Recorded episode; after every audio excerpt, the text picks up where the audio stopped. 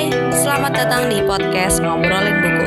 Sebuah podcast yang menjadi wadah bagi saya dan teman-teman Untuk berbagi hasil bacaan buku, pengalaman, pesan, dan kesan. Episodenya akan terbit sesuka hati admin. Hehe, selamat mendengarkan.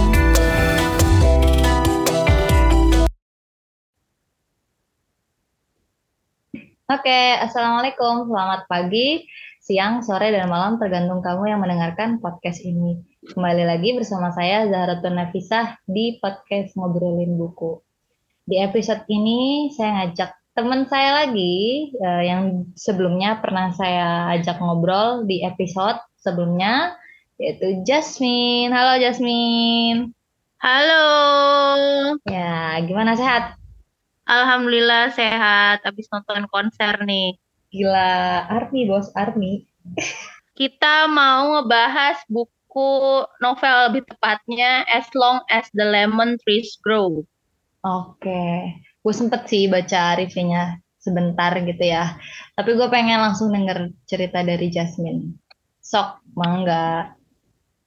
Lupa tuh. Jadi tuh uh, sebenarnya awal-awal mungkin kasih tahu dulu ya kenapa akhirnya hmm. gue membaca novel ini. Okay. Jadi kan kebetulan gue suka suka baca novel ya. Hmm. Dan karena gue suka baca novel, gue hmm. sering ngefollow uh, orang-orang yang suka baca yang suka baca novel juga. Hmm. Terus uh, ngefollow mungkin teman-teman yang kalau follow di Twitter itu ada literal literally base gitu kan. Iya. Yeah. hmm. Ya memang khusus ngomongin tentang novel kan. Nah, beberapa tahun belakangan ini tuh tahun belakangan inilah itu tuh banyak banget yang ngebahas hmm. sama ngerekomendasiin ini novel hmm. As Long as the Lemon Trees Grow gitu kan.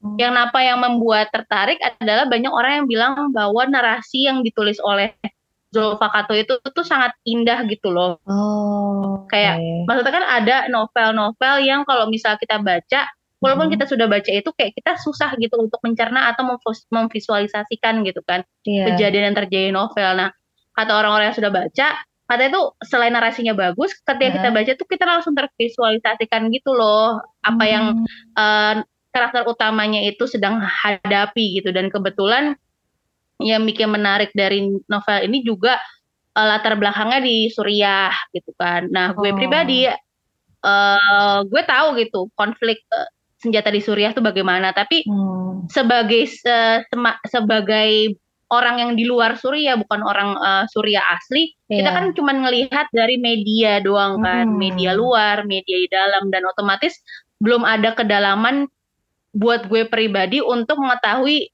apa sih sebenarnya yang terjadi di sana. Jadi kayak kita cuma ngelihat uh, lewat mata ketiga doang gitu loh, ya kan yeah, nggak yeah. bisa tahu lebih mendalam. Jadi gue pengen tahu sebenarnya apa sih yang mau disampaikan si Zulfa Katu ini. Hmm. Dan kebetulan si Zulfa ini uh, berdarah Suriah gitu. Ibu hmm. sama ayahnya adalah orang Suriah, tapi dia besar di uh, besar di Kanada dia gitu.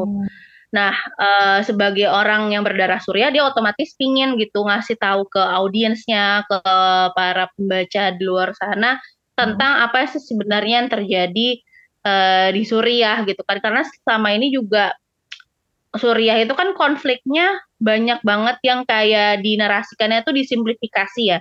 Iya, iya, entah iya, itu perang saudara iya. gitu kan, entah itu semua orang Suriahnya itu teropresi memang mereka nggak punya kekuatan apa-apa dan segala macam hmm. gitu kayak kayak bahkan kalau gue baca Jis kebetulan gue juga sempat menuliskan tentang buku ini karena gue sangat tersentuh banget hmm. selama gue riset pun tuh ternyata media di, di Indonesia itu hmm. udah jarang ngeberitain tentang konflik Suriah yang diberitakan juga ternyata sangat-sangat menurut gue apa ya kayak melenceng dari inti dari konflik itu sendiri. Hmm. Misalnya kayak ya gue nggak bisa nyebutin medianya ya. Hmm. Ada media yang cukup besar di Indonesia itu menjelaskan bahwa penyebab dari uh, konflik bersenjata di uh, Suriah itu karena ada uh, apa ya perselisihan antara Sunni dan Syiah gitu. hmm. gitu.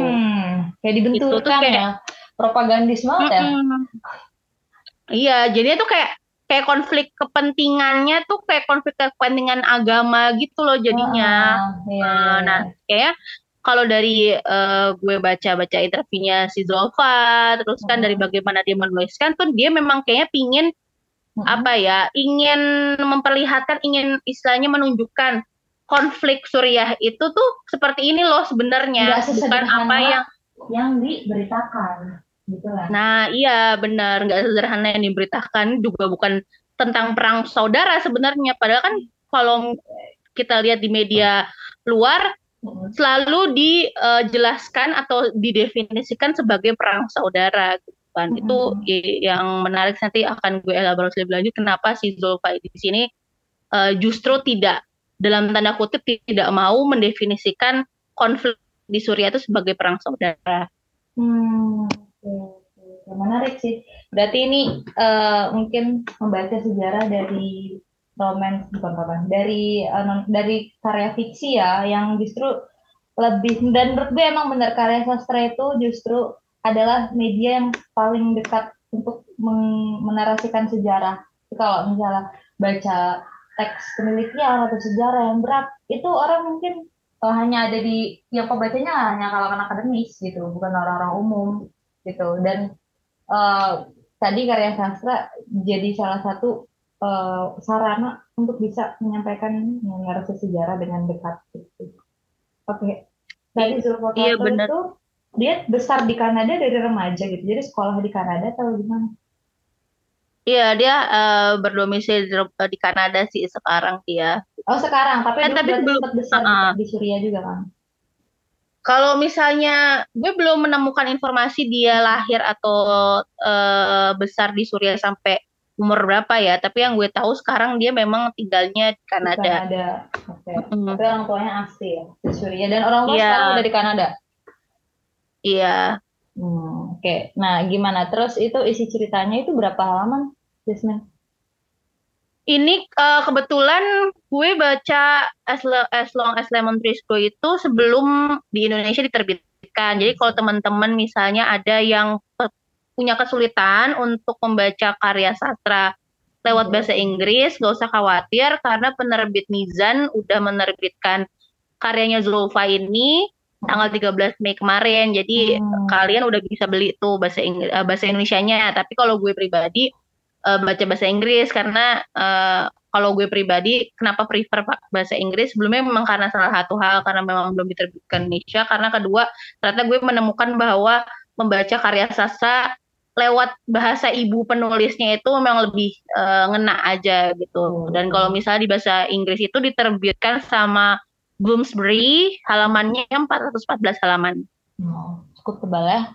Kayak itu pembagian klasifikasinya di dalam buku itu gimana? Bab kah atau gimana? Uh, iya sama bab juga tapi uh, biasanya kan kalau di banyak novel itu bab terus misal bab 4 terus ada judulnya ya judul ada bab apa gitu ya. Uh, uh, ada subbabnya apa nah kalau di as lemon uh, as long as lemon tree nggak ada cuman subbab aja, subbab satu, dua, tiga, oh. dan seterusnya gitu, nggak ada jud, eh, nggak ada oh, judul iya. subbabnya. Oke, berapa bab? Berapa bab ya? Coba nih, gue kebetulan lagi megang hmm. bukunya sampai 39 bab doang sih, sama epilog 40. Hmm, berarti modelnya kayak bukunya ya ada Hirata gitu, banyak bab-babnya gitu langsung. Berarti satu bab berapa lama. Dan kayaknya kalau baca tulisan yang babnya kecil-kecil kayak gitu lebih enak lebih gampang. Nggak ngos-ngosan. Apalagi nih kayaknya tentang konflik iya. cukup berat ya. Nggak ngos-ngosan. Iya benar sih benar. beberapa novel yang emang babnya gede gitu kayak kayak capek gitu. Oke lanjut. Kita uh, langsung ngebahas isinya itu gimana. Teruntut kronologis ceritanya. Iya, jadi itu uh, sebelumnya mungkin gue akan ngasih trigger warning ya wow. karena memang novel ini tuh berat banget hmm. karena yang mau bagaimanapun kan ini ngomongin tentang konflik bersenjata ya dan hmm. uh, dan itu kan diceritakan lewat uh, orang pertama gitu kan karakternya jadi pasti ada banyak banget penggambaran yang membuat kalian ke trigger jadi kalau saranku hmm. kalau kalian dalam tidak dalam uh, kondisi mental atau emosional yang baik, hmm. mungkin bacanya pelan-pelan atau mungkin bisa di skip aja gitu, baca hmm. yang lebih ringan lagi karena memang ini walaupun apa ya, walaupun nggak berat-berat amat tapi hmm. bahasanya tuh bahasannya tuh berat gitu loh hmm. materinya tuh berat gitu loh jadi memang harus uh, punya apa ya hmm. emotional and mental availability lah ya kalau yeah. baca ini jadi itu ceritanya hmm. sebenarnya ada uh, remaja namanya uh, Salma Salama ya namanya Salma Salama Kasab dia, dia itu masih sebenarnya mahasiswa jurusan uh, farmasi. Hmm. Tapi belum sampai dia lulus hmm. dari uh, kuliahnya gitu, lulus sarjana, konflik peperangan di uh, konflik Suriah itu akhirnya meletus gitu. Jadi Salama yang tadinya harus menjadi ya itulah lulusan farmasi justru terpaksa karena terhimpit keadaan jadi dokter relawan. Dia jadi combat dokter di salah satu uh, rumah sakit ya rumah sakit di home Suriah gitu dan itu selama dia gimana ya rasanya gitu loh sebagai orang yang memang lo nggak punya latar belakang kedokteran apa pun yeah. gitu loh nggak punya latar belakang sama sekali mm-hmm. dia harus belajar lewat pengalaman nanganin orang-orang dengan kondisinya itu yang udah sangat parah gitu kayak you never imagine that someone bisa sedalam keadaan seperti itu gitu mm-hmm. kayak ya, trigger warning misalnya uh, tangannya atau kakinya hampir lepas, hmm. putus segala hmm. macam gitu kan kayak ngelihat anak-anak uh, dalam keadaan seperti itu, ibu hamil yang perutnya hmm. yang lagi hamil ditembak gitu loh kayak gitulah. Hmm. Kayak gitu gitu. Dan dia harus melakukan istilahnya harus menyelamatkan nyawa orang-orang ini tanpa hmm. bekal ilmu kedokteran sama sekali dan hanya lewat orang dia diajarin aja gitu sama hmm dokter namanya dokter Hamzah dia itu uh, yang istilah jadi supervisornya kepala dokter di situ jadi hmm. dia ngelihat dokter Hamzah operasi dia lihat hmm. terus dia hmm. praktekkan jadi kayak memang learning by experience tapi with agreements atmosphere gitu loh kayak yeah. gimana sih ya iya, kan? iya iya iya iya nah iya nah selama dia uh, ya itulah terpaksa jadi dokter relawan dia tuh harus ini gue boleh spoiler atau gimana nih? Gak, gak boleh ya? Gak apa-apa. Kemarin juga kan okay. gitu. iya, jadi si uh, Salamanya ini tuh selama dia jadi dokter relawan dia tiap hari ke rumah sakit dan dia harus witnessing all the hor horrifying scenes gitu in front of her eyes dan itu kan pasti hmm. taking a toll on her mental health kan. Betul, jadi itu kayak betul selama dia tinggal di Suriah ngelihat orang bagaimana orang dibunuh disiksa hmm. tanpa ada perikmanusiaan sama sekali dan itu by the government gitu loh bagi uh, oleh pemerintah mereka itu kan pasti ngaruh kan sama mentalnya si Zulfa gitu ya masih muda juga akhirnya dia kayak develop some PTSD tapi ternyata PTSD-nya itu lebih greater than the average PTSD gitu ini menarik sih oh, itu PTSD. dia sampai develop Uh, uh, post trauma, uh, oh, depression, iya, iya.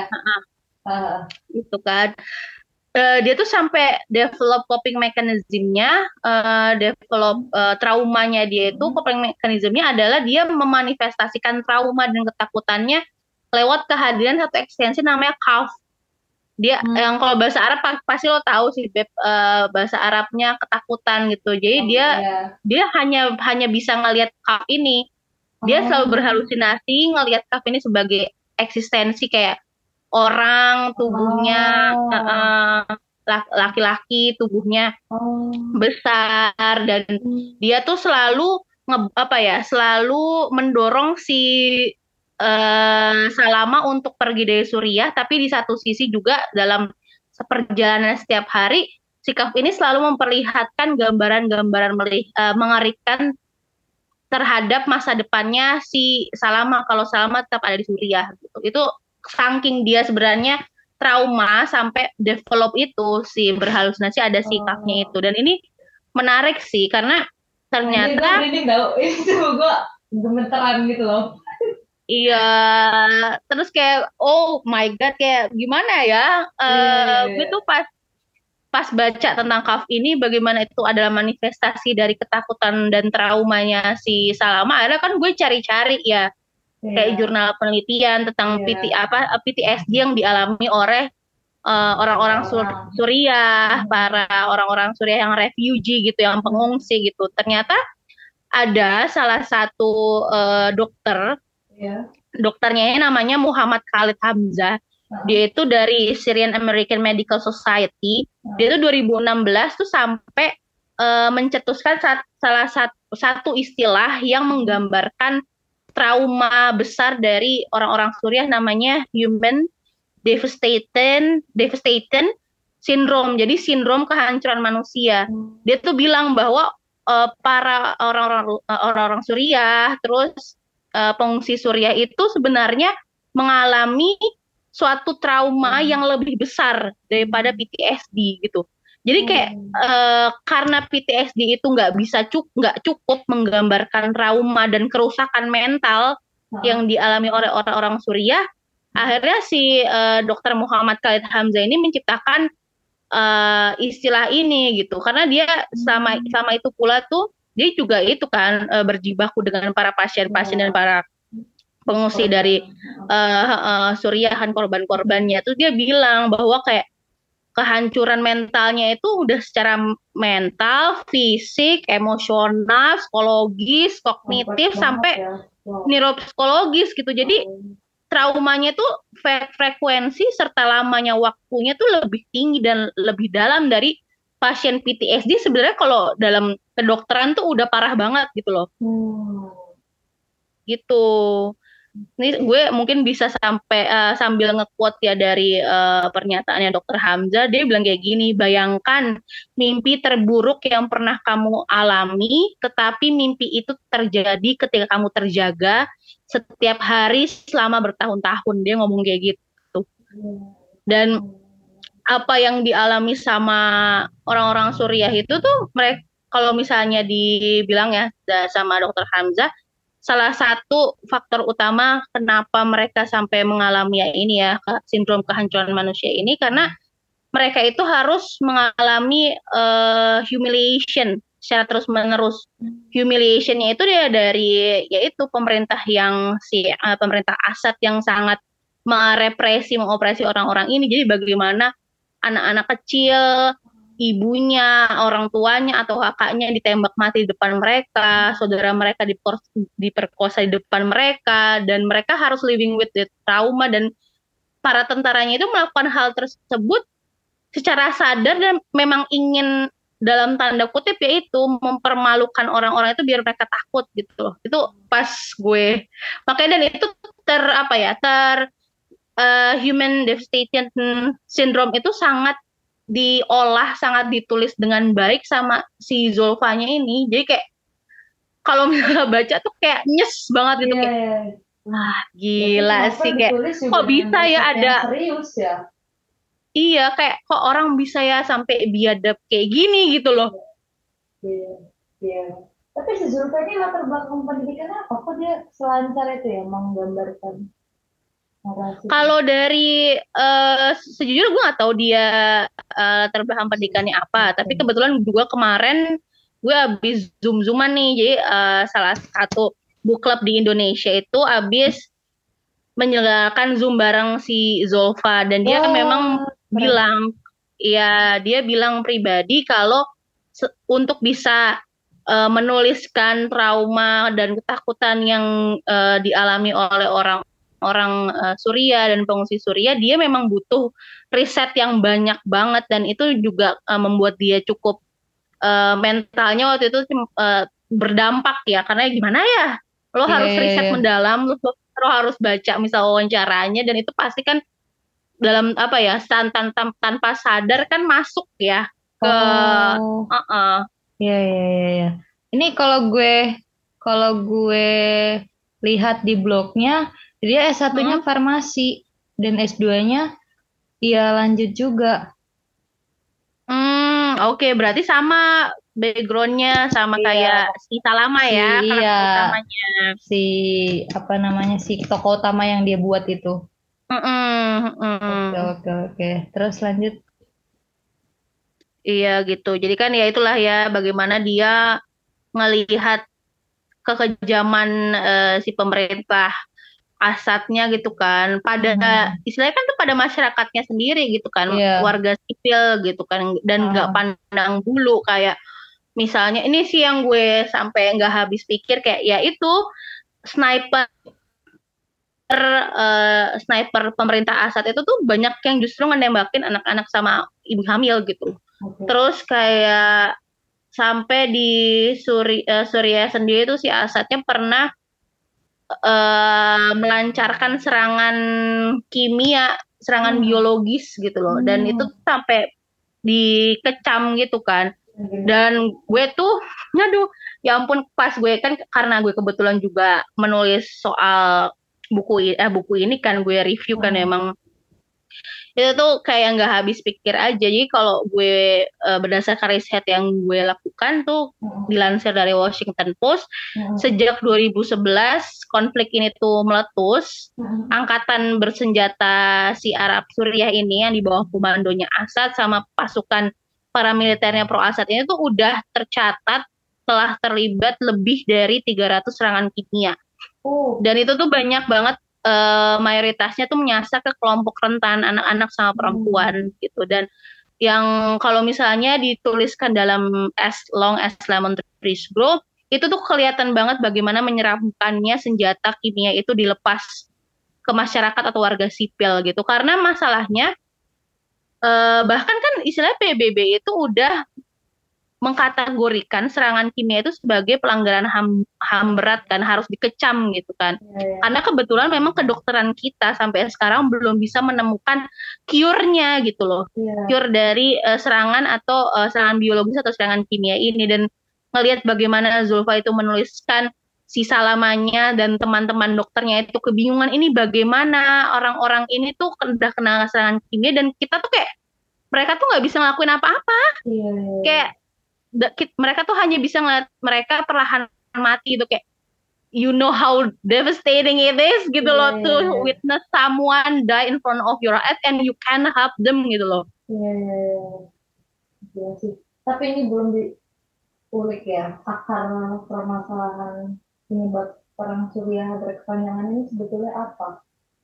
Nah, nah ini nih sih menarik sih kan uh, gue kan sempat ngomong ya kalau bagaimana dunia itu membingkai konflik bersenjata ini sebagai perang saudara gitu kan. Kalau perang saudara kan dalam pikiran pikiran kita ada dua kubu yang berselisih gitu ya. Yeah. Dalam tanda kutip mereka bersaudara tadinya temenan gitu kan mungkin ya temenan persaudaraan tiba-tiba pecah karena ada uh, du, ada istilahnya ada hal yang bertentangan atau ideologi bertentangan pada oh, mereka gitu kan dan dalam gitu ya di dalam negara. Iya internal dan kalau dalam perang saudara kan selama ini nggak ada gitu pihak yang benar-benar bisa apa ya punya dominasi atau kuat banget gitu loh kayak overpowered gitu oh. dan kalau yang gue bilang yang media Indonesia juga mem, uh, memberitahukannya itu sangat simplifikasi mensimplifikasi si Zulfa di sini berusaha untuk ngasih tahu dari sudut pandang orang Suriah sendiri bahwa sebenarnya apa yang terjadi di Suriah dari tahun 2002 2011 itu bukan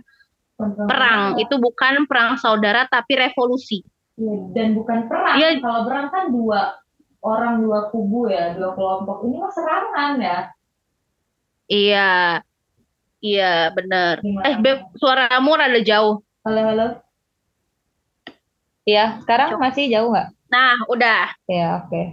Terus? Iya gitu. Jadi ya uh, memang ngomong bukan ngomong ya, dia memang secara eks apa implisit bukan implisit juga sih ada beberapa dialog-dialog dari karakternya itu yang mengatakan kalau ini tuh bukan perang tapi revolusi. Ini menurut gue menarik buat hmm. seorang seseorang yang cuman tahu konflik Suriah itu dari, dari kacamata media aja gitu media luar media nasional gitu kan yang tahu ini ini adalah uh, peperangan gitu. Jadi kayak membuat gue kayak terbuka gitu loh uh, matanya. Terus dari situ juga si Zulfa nggak apa ya nggak irit-irit gitu ngasih penjelasannya hmm. ngasih narasinya tuh nggak irit-irit jadi itu dia dari awal tuh udah ngasih tahu misalnya eh kayak eh, sebenarnya pecahnya konflik bersenjata di Suriah ini itu kan terjadinya mulainya Maret ya, mulainya hmm. Maret tahun 2011. Sebenarnya itu juga dipicu oleh Arab Spring. Mungkin teman-teman ada yang tahu Arab Spring itu adalah hmm. Yang dikenal kok di sini itulah kebangkitan uh, masyarakat Arab di mana uh, negara-negara Timur Tengah akhirnya protes secara massal hmm. untuk menekan untuk mendorong pemerintah hmm. yang banyak yang itu ya banyak yang totalitarian yeah. yang sangat militer yeah. untuk mundur gitu agar masyarakatnya itu bisa lebih demokratis, hmm. hak-haknya itu bisa dipenuhi gitu. Hmm.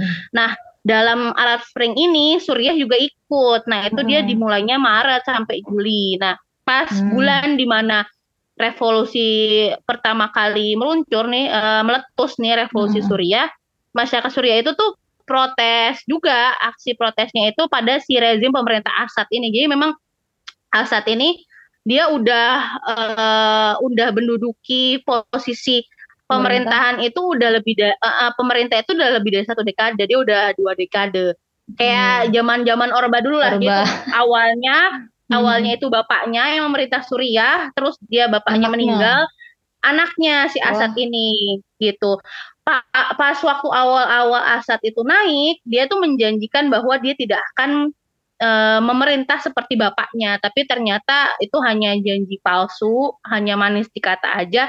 Hmm. Dia langsung e, dalam tanda kutip membuat benteng pemerintahan dia gitu loh. Dia langsung hmm. e, memerintahkan militer untuk istilahnya jadi fondasi buat oh. pemerintahannya. Di situ dibabat abis lah istilahnya hak-hak uh, dari uh, masyarakatnya. Ya, Terus kayak ya kalian tahulah kalau mm-hmm. suatu pemerintahan yang istilahnya salah satu ciri pemerintahan yang totalitarian yang militer itu yeah. adalah mempreteli jurnalistik. Yeah. Nah itu salah satunya terlihat di di pemerintah si Asad ini. Nah makanya uh, menyusul si Arab Spring itu ya kan uh, Suriah juga ikut protes mm-hmm. karena udah Asad udah lama uh, memimpin. Mm-hmm. Nah aksi ini sayangnya aksi damai mm-hmm. itu uh, kalau jangan di apa istilahnya kalau misal teman-teman mendengarkan Arab Spring kebangkitan masyarakat Arab jangan dilihat itu sebagai suatu uh, demo yang menjarah, hmm. yang bakar-bakar enggak.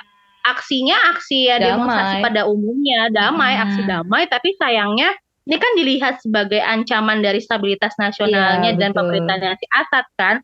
Makanya uh ketika demonya ini, aksinya ini meletus, hmm. itu tuh uh, justru Assad ngasih timbal baliknya atau meresponnya dengan kekuatan militer. militer.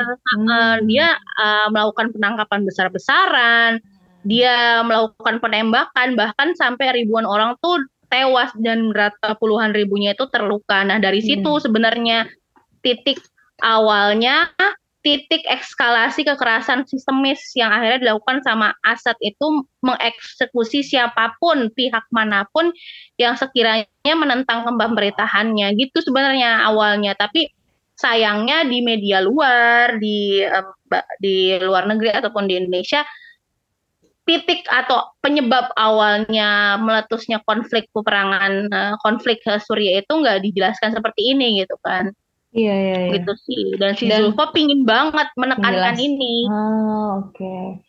Yang gue baca dari beberapa media nih, gue akan sambil riset juga.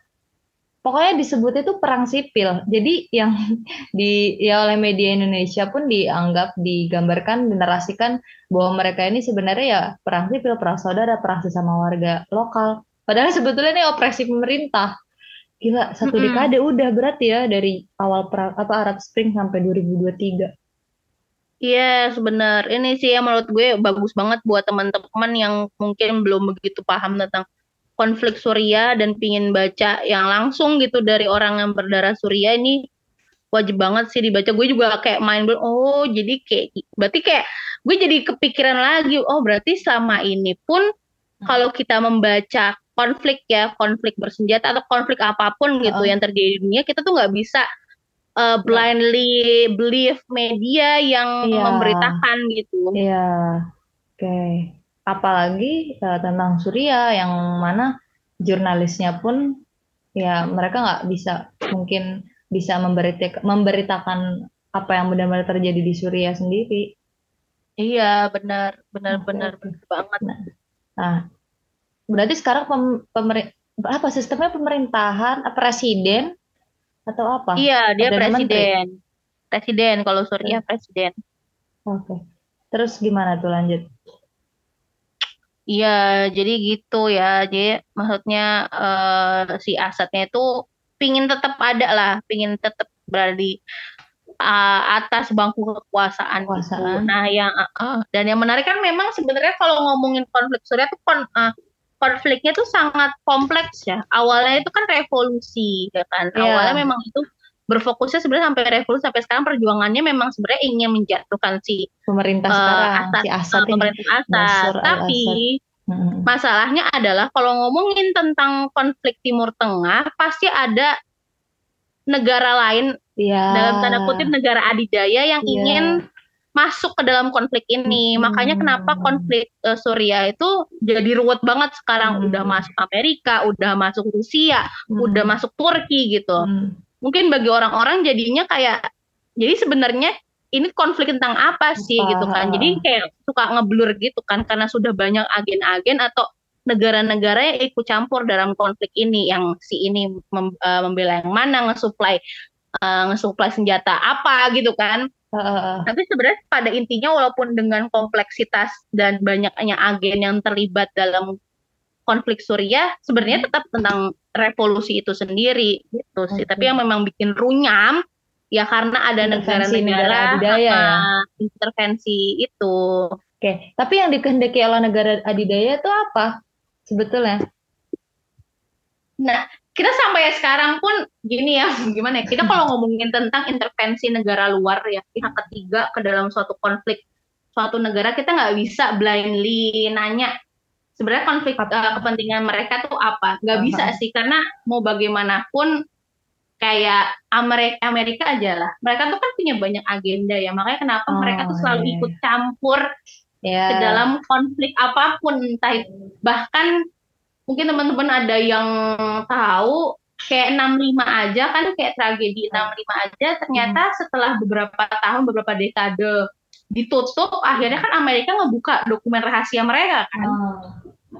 ternyata ada keterlibatan Amerika juga di situ hmm. kayak mereka dia tuh punya kepentingan dan kepentingannya itu nggak bisa hanya disimplifikasi ah gue pingin ikut hmm. ini karena apa gitu. Kalau misalnya di 65 memang kan e, banyak hipotesanya itu kenapa ada keterkaitannya dengan keterlibatan Amerika terlibat dalam 65 karena memang mereka ingin uh, menghapuskan influence dari uh, itu kan dulu Rusia komunis komunisme oh, kan gitu. Oh, hmm, iya, tapi kalau misalnya di konflik Suriah sekarang kalau kita baca-baca tuh sebenarnya masih ngeblur gitu loh karena mereka kalau misalnya secara publik itu bilang ingin membantu karena sudah ma sudah masuk ke dalam tanggung jawabnya si uh, Amerika untuk membantu negara lain gitu. Karena kalau nggak salah udah ada undang-undangnya gitu. Kalau misalnya ada ada peraturannya bahwa kalau misalnya ada uh, konflik yang sekiranya mereka bisa dalam tanda kutip bantu, bantu itu udah jadi salah satu kewajiban, kewajiban. mereka untuk membantu. Tapi kan kita nggak tahu nah. pemerintah Amerika Serikat punya hidden apa. agenda apa gitu. Rusia punya hidden agenda apa, Turki hmm. juga apa gitu. Hmm. Oke oke sih. Wah gila-gila menarik nih. Terus lanjut tadi udah tentang si pengalaman Salama dan lain-lain mengkopi iya. mekanisme traumanya. Terus gimana tuh ceritanya? Iya, jadi kan itu sih kan trauma traumanya begitu besar, ketakutannya begitu besar, dia akhirnya bermanifestasi melalui si ini kan eksistensi kafnya ini. Nah, mm -hmm. dia tuh hanya bisa di karena itu memang manifestasi pribadinya Salama yang mm -hmm. hanya bisa melihat ya salama cuma aja. Salama, mm -hmm. Salama aja gitu kan. Tapi di satu sisi juga saking apa ya uh, saking besarnya traumanya itu dia itu apa ya dia kurus dia hmm. suka ngigo sendiri suka diam gitu loh hmm. saking besar trauma tersebut sampai akhirnya dia ketemu sama cowok namanya Kin, uh, Kinan. Nah, Kinan itu dia punya dua uh, adik cewek sama cowok Yusuf sama aku lupa lagi namanya siapa. Uh, Yusuf sama adik-adik perempuannya itu mereka tetap hmm. mau tetap ada di Suriah. Tapi si Yusuf ini tuh nggak nggak bisa ngomong, SN nggak bisa ngomong bukan dari lahir nggak bisa ngomong, tapi karena dia witnessing orang tuanya kebunuh, dia jadi diam gitu loh, hmm. karena trauma berat gitu kan. Tapi hmm. si Yusuf, uh, si Kenan itu nggak tetap nggak mau membawa kedua adiknya untuk keluar dari Suriah karena menurut menurut si uh, Kenan berada terus di Suriah terus dia itu dia ngevideoin uh, tentara militernya pemerintah Assad itu dia videoin tuh. Terus habis itu dia upload di YouTube biar iya. orang-orang tuh tahu ke uh, sebenarnya apa sih yang terjadi di uh, Suriah, Suriah. Dan si Kenan tuh percaya bahwa tetap berada di Suriah lalu dengan dia memvideokan uh, kekejaman si pemerintahnya Assad uh, itu namanya perjuangannya dia untuk merebut kembali tanahnya dia gitu yang hmm. udah direbut gitu. Jadi menurut dia kalau misalnya keluar perjuangannya kelar yeah. gitu. Makanya dia tetap uh, tetap di Suriah. Walaupun adiknya iya, udah ada yang trauma gitu kan yeah. sampai nggak bisa nggak bisa ngomong. Nah di sini ini ini yang menarik sih. Si Salamanya juga tadinya nggak mau keluar dari uh, Suriah. Karena dia kayak apa ya kayak terikat oleh rasa bersalahnya dia karena nggak bisa, bisa menyelamatkan hmm. orang istilahnya beberapa orang yang harusnya dia selamatkan mati di depan matanya dia. Dia jadi kayak punya apa ya dia terjerat sama guilty-nya dia rasa bersalahnya dia. Jadi dia terus pingin uh, menyelamatkan orang lain gitu. Apa istilahnya uh, berusaha sekeras mungkin gitu. Karena itu bisa jadi revelation-nya dia gitu. Dan tapi di satu sisi adalah dia juga uh, si Kaf itu ini menarik sih walaupun Kaf itu dia memperlihatkan masa depan uh, yang mengerikan pada Salama. Dia selalu memperlihatkan uh, kengerian dunianya kalau misalnya dia tetap ada di sini di Suriah gitu kan.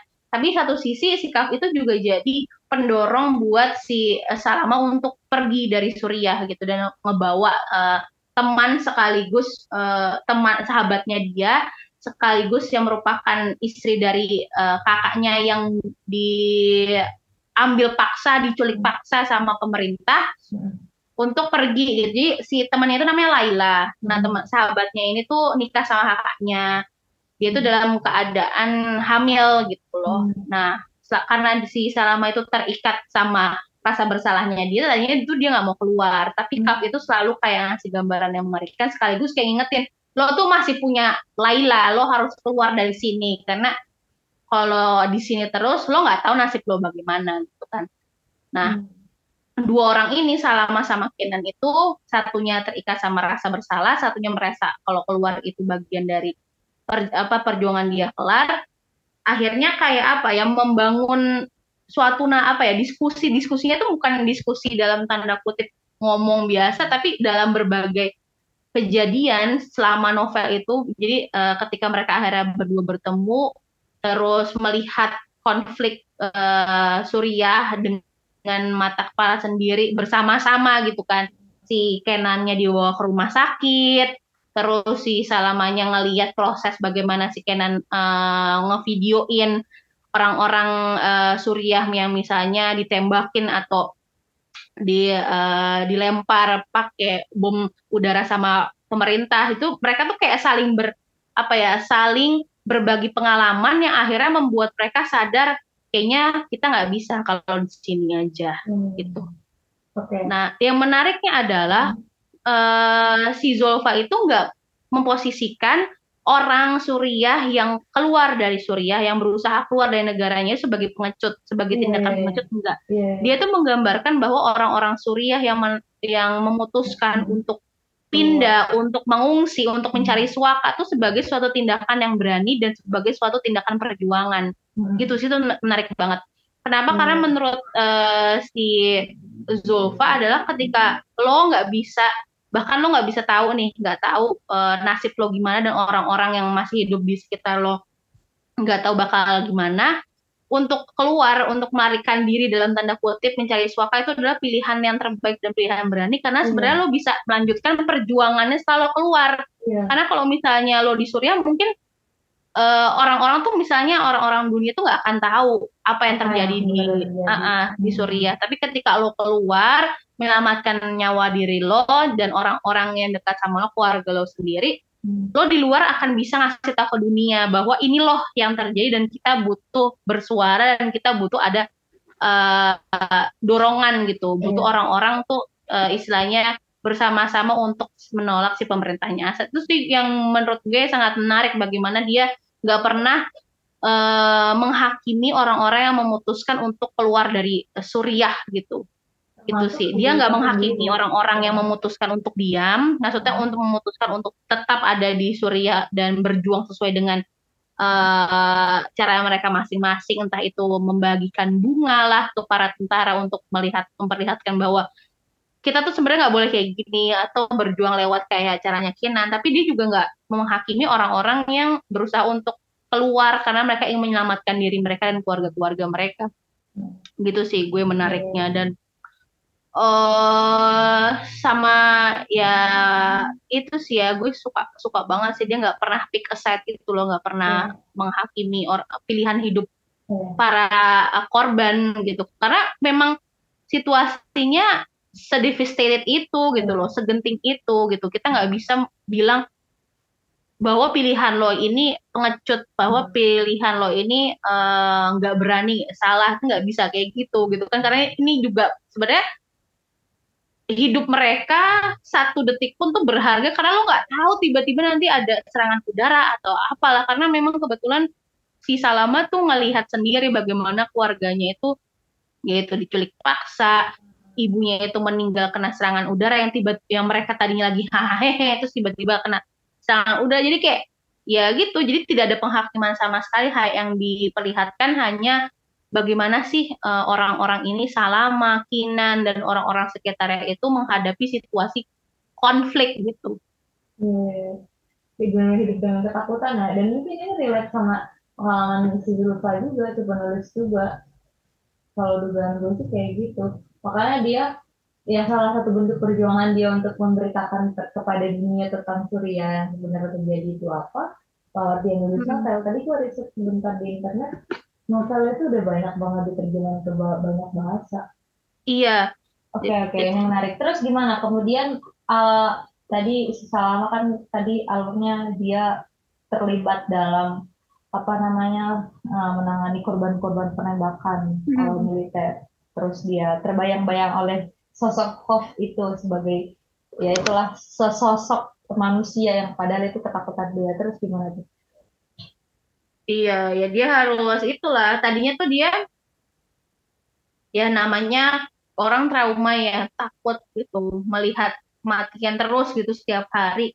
Tadi itu dia men selalu menolak kehadirannya Kaf gitu loh. Gue nggak mau ngelihat lo, gue pengen jauh-jauh sama lo gitu kan. Tapi ya benar kayak manusia itu kan punya perasaannya, punya feeling dengan lo yeah melarikan diri atau denial, menolak bahwa yang lo alamin itu enggak valid, yeah. ya iya. sebenarnya itu akan justru melelahkan lo gitu kan. Yeah. Makanya menarik juga bagaimana si Zolfa ini berusaha untuk menarasikan kerjaannya si Salma akhirnya menerima si kaosnya itu sebagai bagian dari dia gitu loh. Yeah.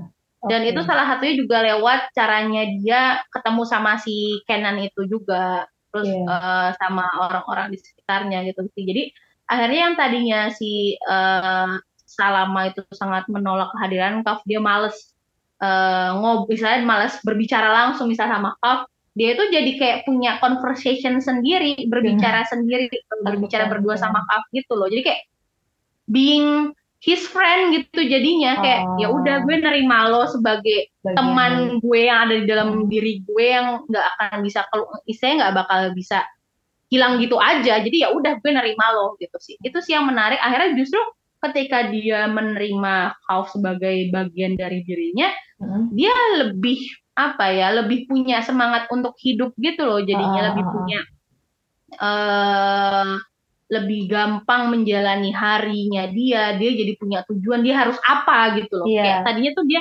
terombang ambing bingung apakah gue akan terus di rumah sakit hmm. dengan terikat sebenarnya terikat dengan kesalahannya dia gitu guiltnya hmm. dia atau uh, gimana tapi setelah dia berdamai dengan kaf jadi dia udah punya tujuan gitu gue harus ini gitu yeah. gitu sih apa kemudian uh, yang dia putuskan setelah dia berdamai dengan rasa takut itu dia memutuskan untuk keluar oh. dari Suriah dan tadinya kan walaupun dia udah punya bayangan istilahnya punya niat sedikit gitu iya sih gue tetap harus uh, Surya gitu. Tapi oh, oh, karena dia belum bisa menerima maaf, dia tuh nggak bisa membulatkan tekadnya dia gitu loh untuk keluar dari Suriah gitu. Karena dia akhirnya juga dia terbelenggu gitu kan sama kesalahannya dia juga sama orang-orang yang dia dia menganggap dirinya sendiri itu nggak becus karena banyak orang yang mati di depan hadapannya dia gitu karena dia ya namanya juga bukan dokter gitu loh kayak iya. ya mungkin kita sebagai sebagai pembaca aduh zo apa Salama jangan gitu dong jangan iya. nyalahin tapi bagi anak yang umur 18 tahun hmm. di dalam posisi itu pasti kan merasa bersalah banget ya iya. kayak terikat gitu loh dia terkungkung iya. sama rasa bersalah itu gitu kan hmm. jadi makanya dia nggak bisa memutuskan uh, putusan yang bulat nah ketika dia akhirnya uh, bisa menerima maaf akhirnya dia beneran jadi memutuskan untuk keluar dan dia bahkan bisa uh, meyakinkan si Kenan untuk membawa uh, adik-adiknya juga keluar keluar Suriah karena dia tahu nggak ada masa depan buat, buat mereka iya, berdua gitu. dan mereka tetap iya. bisa kok uh, berjuang, berjuang di luar dengan uh, cara yang berbeda. Oke, okay. udah nih, udah terus akhirnya mereka lanjut keluar ke Suriah nih. Terus apa yang iya. mereka lakukan? Nah ini menarik sih. Yang pertama, pertama yang pengen gue kasih tahu adalah maksudnya kan selama ini kalau kita lihat di me, di media lah ya hmm. atau enggak uh, media luar lah sebenarnya yang banyak banyak pemberitaan konflik Suriah kan. Hmm. Itu kan maksudnya kita tahu nih mereka tuh banyak yang datang lewat cuman apa ya, cuman perahu biasa doang kayak skoci atau perahu pelayan nelayan gitu kan. Iya. Nah itu tuh di dalam novelnya uh, Zulfa tuh beneran dinarasikan bagaimana sus bahkan kayak lo untuk dapat kok satu kapal nelayan yang nggak layak aja tuh mahal banget oh. gitu kan lo oh. harus mengam istilahnya harus ngerogoh tabungan lo sisa emas gak segampang itu yang... juga buat keluar dari Surya gitu kan iya nggak segampang itu juga karena lo harus nyuap nyuap hmm. uh, para militer atau Iyalah. yang orang-orang di pos-pos itu kan. Terus belum lagi nanti ada uh, ada istilahnya uh, ada pengawasan ketat di daerah uh, daerah, ya kan namanya juga laut lautan maksudnya walaupun nggak iya. ada batas-batasnya kan tetap ada dalam tanda kutip batas wilayah gitu iya. juga kan tetap aja ada yang ngawasin juga kan nah terus kayak gimana si uh, Zulf si Salama Kenan dan uh, adiknya si Kenan itu di misalnya di perahu harus sebenarnya mereka juga mempertaruhkan nyawa juga keluar ya, karena mereka di perahu nelayan ya. yang nggak proper mereka ya. harus pergi ke, ke kalau misalnya di ceritanya ya. itu mereka ke Jerman hmm. kayak bayangin aja itu berapa luas samudra terus hmm. lo cuma naik kapal nelayan yang tanpa proper safety ya nggak ada apa-apa dan itu berjumlah itu orang-orang iya. banyak di situ dan karena memang nggak ada gitu. iya uh, lo bisa mati di situ kayak lo nggak tahu cuaca di sana gimana karena pagi ada badai dan segala macem kayak ya Allah untuk keluar aja tuh susahnya minta ampun itu pun udah perjuangan sendiri gitu yeah. sih iya. itu menurut gue tuh kayak oh my god gue pas baca tuh kayak aduh gila lo lo aja kalau misalnya tetap di Surya aja lo udah kesiksa gitu udah berjuang. Terus lo berjuang uh, untuk keluar aja lo harus berjuang lagi oh, gitu loh. Kayak iya, oh my god iya, gue nggak nggak kebayang kalau gue akan uh, uh, gue berada di posisinya mereka gitu loh. Jadi apa ya jadi kayak gue tuh jadi sedih dan marah gitu. Loh kenapa yeah. sih ada orang ada orang-orang yang kayak asat kayak gini hmm. gitu loh. Kayak maksudnya apa ya? Pasti kepentingan dia itu apa gitu ya? Gila kayak udah kayak dajjal anjir iya, iya, iya kayak nggak nggak ada nggak ada yang untung sebenarnya dalam konflik iya. bersenjata tuh nggak ada yang nggak ada yang untung gitu. Kayak oh my god. Iya iya dan eh kompleks sih. Terus akhirnya memutuskan untuk berarti si Zulfiqar menggambarkan benar-benar struggle-nya orang-orang Surya yang harus mencari hmm. suaka. Belum lagi kan izin dapat izin ditinggal di negara baru juga nggak gampang ya kan? Iya apalagi negara-negara iya. maju tuh ketat loh. Iya kan kayak oh my god gitu pas baca as long as lemon trees tuh kayak kayak apa ya kayak nyesek banget kayak udah susah nih untuk bikin janji untuk istilahnya nge-secure nge, nge uh, posisinya dia untuk dapat skoci aja udah susah Terus dia udah ba bawa banyak barang-barang berharga kan, kayak Iya. paspor, Hmm, ijazah. Hmm. Tapi kan lo nggak bisa mastiin itu bakal lo bakal Selamat selamatin sampai- barang-barang lo kan. Iya. Ya udah di Iya. perjalanan ya itu barang-barang berharga lo akhirnya kesapu sama misal kesapu sama eh ombak kan. Iya. Salama karena kayak gitu dia udah bawa banyak dokumen berharga yang dalam pikiran dia bakal ngebantu dia nanti gitu kan Hmm. Ketika ngambil eh, ngambil suaka di Jerman justru Hmm. ada badai yang ngebuat Kenan bahkan hampir dalam tanda kutip tenggelam dan meninggal karena dia udah eh, hipotermia gitu kan. Terus ya udah hilang semua terus ya oh my god gue nggak nggak ngebayangin gimana jadi para eh, pengungsi gitu. Makanya gue kayak apa ya nge- kalau dulu kan ngelihat oh, oh Timur Tengah. Misalnya kan Timur Tengah banyak banget yang konflik bersenjata gini kan. Terus Iya, iya. mencari suaka di negara-negara Eropa gitu kan. Terus ada penolakan segala macam. Maksudnya gue gue udah udah istilahnya udah bersimpati gitu. Kasihan juga ya. Tapi ketika baca ini gue tuh makin nyes aja anjir Iya. gimana ya perasaannya? Mereka udah mati-matian untuk keluar terus ditolak lagi gitu loh. Iya. gak kebayang aja mereka udah nggak punya rumah Hmm. semuanya hilang terus kayak mereka istilahnya kayak cuman mau dapat opportunity untuk hidup aja gitu itu di- masih aja ditolak dan penolakannya tuh banyak banget kan orang-orang tuh kayak menolak eh, pengungsi itu dengan eh, apa ya alasan-alasan yang rasis lah atau yang Iya. berdasarkan diskriminasi Iya. etnis agama gitu kan itu kayak oh my god you should Iya. read this book Iya, iya, Nah itu akhirnya selama ke Jerman. iya dia ke Jerman Apa yang dia lakukan di sana? Kemudian. Nah, dia akhirnya kayak menulis, memposting banyak ha, banyak kejadian-kejadian di Suriah, tapi ya karena memang dia orang yang mengalami, jadi postingannya itu tulisannya dia kayak getting attention gitu loh. Dan Kenan kan memang dia Iya. punya bakat me- melukiskan, dia tuh pengen membuat ya itulah membuat animasi yang ten- menceritakan tentang eh. Eh, serangan-serangan di situ ya.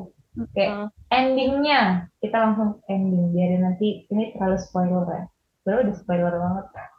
ini udah spoil banget. Ini sebenarnya tadi udah endingnya sih, Udah, karena udah. uh, uh, the endingnya oh sama gue sebenarnya mau lupa ada yang mau gue ceritain gue juga suka bagaimana si Zolfa itu kan gini ya maksudnya kalau misalnya kita ngomongin konflik apa pun konfliknya itu entah itu konflik eh terutama konflik bersenjata ya yang dilakukan oleh pemerintah otoriter gitu atau orang-orang yang punya kepentingan dalam perang saudara. Misalnya seksualitas perempuan itu selalu jadi senjata gitu loh. Iya, iya, ya kan? Karena itu yang seksualitas perempuan yang diserang di dalam konflik itu ada uh, memang sengaja dilakukan untuk menyebar ketakutan. Dan itu Ya. salah satunya digambarkan sama si uh, Zulfa di uh, novel ini walaupun tidak diperlihat eh, digambarkan sampai adegan misalnya pemerkosaan juga tapi bagaimana si Salama hampir saja mengalami hal itu Hmm. dan itu dilakukan oleh militer yang memang ingin menundukkan dia Iya, iya, gitu iya. kan karena dia dilihat sebagai pembangkang dari pemerintah itu tuh Iya, iya. uh, speak a thousand words gitu bagaimana Iya. orang-orang yang ingin mengoperasi atau punya kepentingan itu menggunakan seksualitas perempuan Iya. untuk menyebarkan ketakutan untuk Iya. menundukkan orang gitu loh Iya. karena setelah setelah Salama mengalami itu tidak hanya Salama yang mengalami trauma dan ketakutan Ah. akhirnya sama pemerintah gitu gue takut diapa-apain Kenan pun juga takut jadinya Heeh. jadi Iya, kayak iya. aduh jangan deh melakukan hal ini misalnya karena gue takut lo nanti diapa-apain gitu jadi Ya. istilahnya seksualitas perempuan tuh memang dijadikan senjata biar orang-orang yang ingin dioperasi yang ya. ditundukkan itu beneran tunduk gitu loh Iya, iya. Iya, iya. Nah, ini tuh persis tragedi 65 juga yang Yes, pemerkosaan benar. massal itu kan. Sebenarnya perkosaan, tindakan perkosaan terhadap perempuan itu adalah salah satu bentuk eh, cara untuk menebar ketakutan gitu kepada masyarakat. Ya, gila sih, wah gokil. Oke, ini mungkin jadi salah satu eh, apa ya novel yang menggambarkan bagaimana sebetulnya konflik bukan konflik ya ini mah serangan ya serangan terhadap um, pemerintah terhadap masyarakat sipil dari pemerintah untuk mempertahankan um, apa namanya dinasti mereka. Ini gila sih tapi gue nggak nyangka kalau ternyata dan kalau kalau si siapa Zulfa ini masih di Suriah mungkin ceritanya nggak akan sampai ke kita gitu dan kalau gue menduga asumsi gue sih penulis ini sebetulnya juga punya pengalaman personal sebagai ya warga Suriah sendiri yang sekarang udah tinggal di Kanada menyaksikan itu dan melakukan bentuk perjuangan untuk menyatakan ya untuk memberitakan bagaimana yang sebenarnya terjadi di situ. Iya benar-benar. Oke, oke. Uh, gimana ada lagi yang mau disampaikan? Apalagi ya? Palingnya itu sih, gue uh, suka banget sama penarasiannya si uh, Zulfa. Maksudnya, ini kan ngomongin tentang konflik bersenjata gitu kan, hmm. kan dengan banyak sekali trigger warning, tapi tuh dia masih bisa menghembuskan harapan gitu loh cinta yeah. dalam tulisan-tulisannya gitu. Jadi kayak it's not yeah. all devastating gitu loh. Ya. Oh, hmm, ya, ya, tapi ya. ada perlawan dia juga menggambarkan perlawanan. Dia menggambarkan ada loh harapan Optimisme untuk ada ya. Suriah yang baru gitu. Ya, ya, ya, ya. Gitu dan bisa loh uh, maksudnya dan memberikan kita kasih ini yang menarik gitu sih kayak kan maksudnya memang ada karakter Salama sama Kenan gitu kan mereka yeah. berdua malah justru kayak uh, jatuh cinta satu sama lain di tengah konflik gitu loh. Jadi gue sih udah duga. iya, iya. Kalau ada bumbu-bumbunya lah pasti cerita kayak gini mah. Iya, tapi justru menurut gue itu uh, penempatannya bagus sih uh, karena uh. jadinya nggak nggak bikin kita depres banget bacanya yeah. gitu loh kayak. Yeah. Aduh ternyata masih ada harapan, masih ada cinta kasih gitu. Iya, iya, iya. Oke, oke. Thank you banget Jasmine untuk sharing tentang novel uh, apa ini As Long As Trees Grow. Trees Grow. Pokoknya trees grow. Uh, kenapa ya judulnya As Long As Tree, uh, Lemon Oh iya. Kenapa ya lu belum cerita? ah iya. Selama iya, jadi lemon tumbuh maksudnya gimana? Iya, selama uh, eh, iya selama pohon lemon tumbuh. Iya bener sih bener.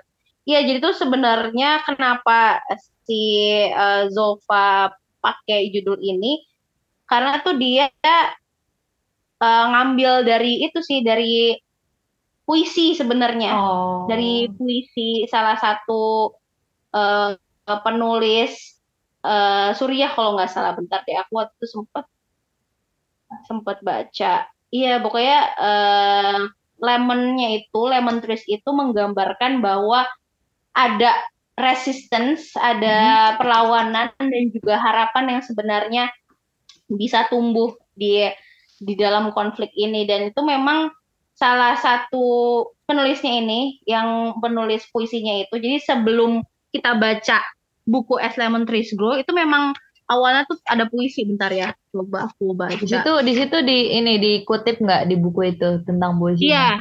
Uh, iya nih nah, puisinya yang nulis namanya Nizar Kabani dia itu oh, memang Nizar Kabani oke. Okay. iya dia kan menuliskan puisi ini memang sebagai responnya dia terhadap itu kan pemerintah masa perlawanan dia. Dan dia oh. di aw awal halamannya si As Long As Lemon Trees Grow ada penggalan puisinya Every lemon will bring forth a child and the lemons will never die out.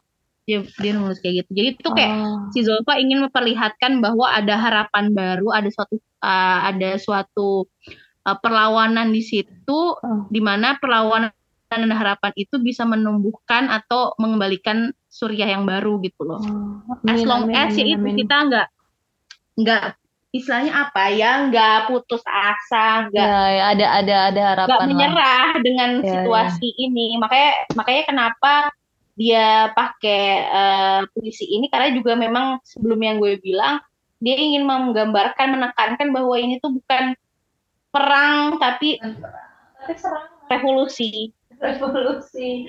Ya semoga revolusi itu akan dimenangkan oleh rakyat Surya. dan kenapa ya orang kayak gitu nggak mati ya itu Asad itu kenapa nggak mati ya gitulah sama kayak dulu aja Soeharto nih Soeharto panjang umur. Oke oke, thank you uh, Jasmine untuk ceritanya. Kita bisa lanjut nanti di episode berikutnya dengan novel-novel yang menarik dan terima kasih buat teman-teman. Selamat mendengarkan episode berikutnya. Dadah.